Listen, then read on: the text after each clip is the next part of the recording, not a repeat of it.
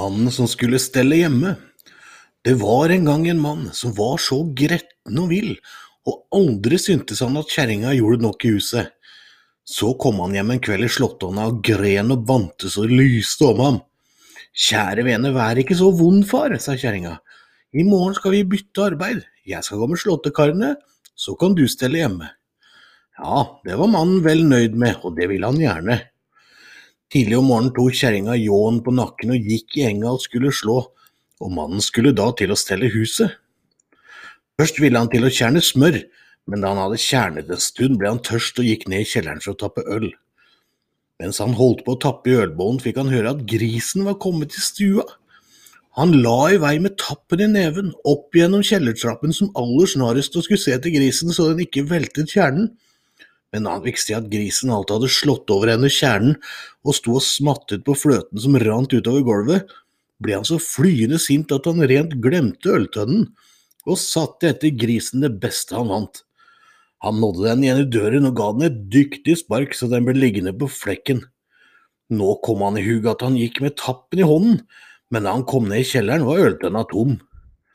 Han gikk da på mjølkebua igjen og fant så mye fløte at han fikk kjernen full, og så ga han seg til å kjerne, for smør ville han ha til middags. Da han hadde kjernet en stund, kom han i haug at heimkua sto inne ennå, og verken hadde fått vårt eller tørt, enda det var langt på dag. Han syntes det var for langt å gå til hagen med den. Han fikk slippe den opp på taket, tenkte han.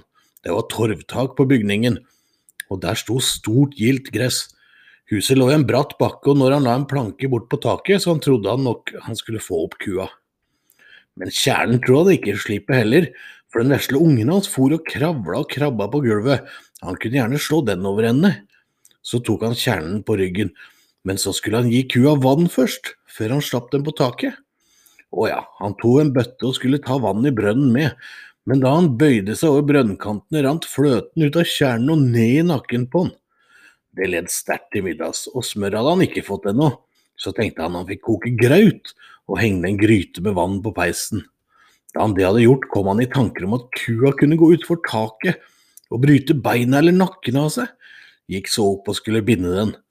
Den ene enden av reipet bandt han om halsen på kua, slapp det ned gjennom pipa og bandt reiphella om låret sitt, for vannet kokte alt i gryta, og han måtte til å stampe grauten. Mens han holdt på med det, falt kua utover taket likevel, hun, og dro mannen opp gjennom pipa, der satt han fast, og kua hun hang utafor veggen og svevet mellom himmel og jord, og kunne verken komme opp eller ned. Kona hadde ventet i sju lange og sju breie på at mannen skulle komme og rope hjem til middag, men det varte og det rakk, og ikke blei det til noe. Til slutt så syntes hun det drøyde så lenge at hun gikk hjem. Da hun fikk se at kua hang så stygt til, gikk hun bort og hugg av repet med ljåen. I det samme falt mannen ned gjennom peispipa, og da kjerringa kom inn, ja, da sto han på huet i grautgryta. Snipp, snapp, snute, så var det eventyret ute.